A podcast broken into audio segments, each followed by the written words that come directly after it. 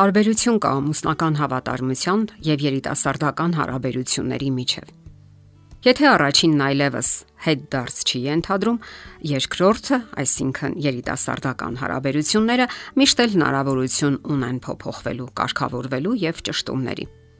Եվ ի վերջո հնարավոր է դադարեցնել հարաբերությունները, եթե կան լուրջ տարաձայնություններ եւ անհամապատասխանություն։ Իսկ երիտասարդների մեջ պետք է ամրագրվի այն գաղափարը, որ ավելի բարձր արժեք ամուսնության մեջ, քան հավատարմությունն է, չկա։ Դարերի վեր այն համարվել է բարձրագույն արժեք, միշտ էլ եղել են եւ շարունակում են հարցակումները ընտանեկան արժեքների վրա։ Սակայն ամուսնական հավատարմության ուխտը միշտ կարողացել է հաջողությամբ հաղթահարել այդ խնդիրները։ Երիտասարդական հարաբերությունները ունենալով հնարավորությունների, ընտրության, ազատության ավելի լայն դաշտ, այնուամենայնիվ ենթադրում են նվիրվածություն, երկկողմանի վստահություն եւ հուսալիություն։ Այդ առումով եւս այսօր շատ հիմնախնդիրներ կան, որոնք փորձում են հակադրվել ոչ միայն ամուսնական միության ուխտին, այլև երիտասարդական գեղեցիկ հարաբերություններին իսկ ժամանակակից թվային տեխնոլոգիաները լայն դաշտ են բացում դրա համար։ Նշենք հասարակության մեջ իշխող վատատեսական տրամադրությունները, հուսահատությունը, ժամանակակից արվեստը, որոնք նպաստում են, որ երիտասարդներն այնքան էլ լուրջ չվերաբերվեն նման հարցերին։ Երիտասարդությունը պետք է հստակ եւ որոշակի հասկանա, որ ընտանիքն է հասարակության կայունության ու անվտանգության գրավականը իսկ այն սկսվում է երիտասարդական հուսալի եւ վստահելի հարաբերություններից եւ ցանկացած սխալ եւ մոլորություն վերջի վերջո կարող է հարվածել հենց իրենց շահերին։ Պարզ վիճակագրությունը հաստատում է, որ յուրաքանչյուր անհավատարմության կամ ամուսնալուծության դեպք շոշափում է մոտավորապես 40 անznավորության, եւ այս թվաբանական պրոգրեսիան չի կարող չբախել մեր դռները։ Իսկ մենք էլ չենք կարող անտարբեր գտնվել այս հարցի վերաբերյալ։ Յուրաքանչյուր անհավատարմության դեպք հենց այնպես չի կարող անցնել մեր կողքով եւ ոչ մեկը չի կարող պաշտպանված զգալ իրեն նրա քայքայիչ ազդեցությունից։ Իսկ երբ երիտասարդները լուրջ չեն վերաբերվում իրենց հարաբերություններին, բացակայում է նվիրվածությունը, ապա դա կարող է մեխանիկորեն ու անգիտակցաբար փոխանցվել ընտանեկան հարաբերություններ։ Ահա անհավատարմության ընդհանրապես մի քանի հետևանք քայքայված ընտանիքներ, ամուսնալուծություն, սեռական վարակներ, վիճաբանություններ եւ պարզապես երջանկության բացակայություն կամ որ ավելի ճշգրիտ արտահայտվենք դժբախտ ընտանիքներ։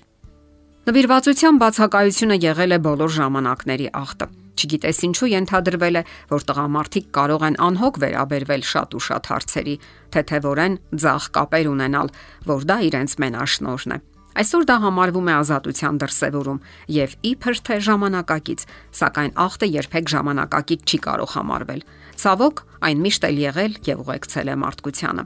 Ընտանեկան կյանքի ներդաշնակությունը, ինչպես նաև երիտասարդական հարաբերությունների էթիկան ենթադրում է պատասխանատվություն, նվիրվածություն եւ սահմանափակումներ։ Ազատություն երբեք չի նշանակում անել այն, ինչ փչում է մարդու խելքին։ Այդպես կարող են վարվել միայն երեխաները։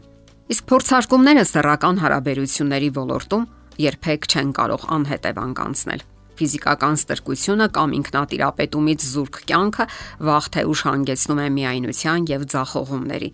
Մարդը հարկադրված է լինելու իր կյանքը լցնել ալկոհոլով կամ անառակաբարո գործողություններով, որովհետև հոգեկան հասունություն ունեցող անznավորությունը պետք է կարողանա վերահսկել իր վարքը եւ ղեկավարել պահանջմունքները՝ ի տարբերություն նորածինների։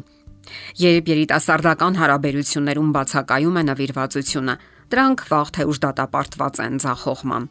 Կամ էլ ենթադրում է մեկի գերազանցությունը մյուսի նկատմամբ։ Կեղծ ազատությունն է բնորոշ մեր օրերին։ Ազատ սիրո օթում թափառող ախտածին գաղափարախոսությունը իշխում է ժամանակակից համաշխարային մշակույթում Այդ մշակույթը նրբորեն աննկատ եւ մտքի համար գայթակղիչ երանգներով քարոզում է այսպես կոչված ազատ սիրո ձախ կապերի, որպես թե բուրն ու հուզիչ կրքերի դրսևորումները։ Այն համարվում է ազատագրում հոգեկան միայնությունից, ավելի լավի ու գեղեցիկի անհույս որոնումներ։ Իսկ իրականում այն միայն փչացնում է հարաբերությունները եւ խորացնում միայնության զգացումը։ Այնինչ դրան կարելի էր եւ անհրաժեշտ էր հակադրել նվիրվածությունն ու վստահելի հարաբերությունները։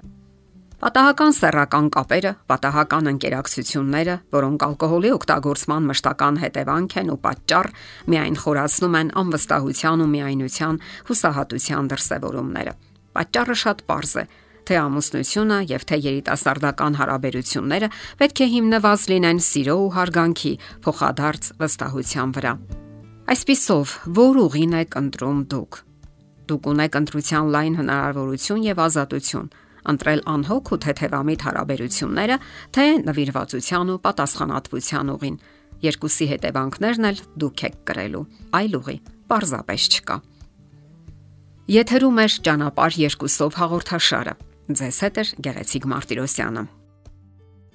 Հարցերի եւ առաջարկությունների համար զանգահարել 033 87 87 87 հեռախոսահամարով։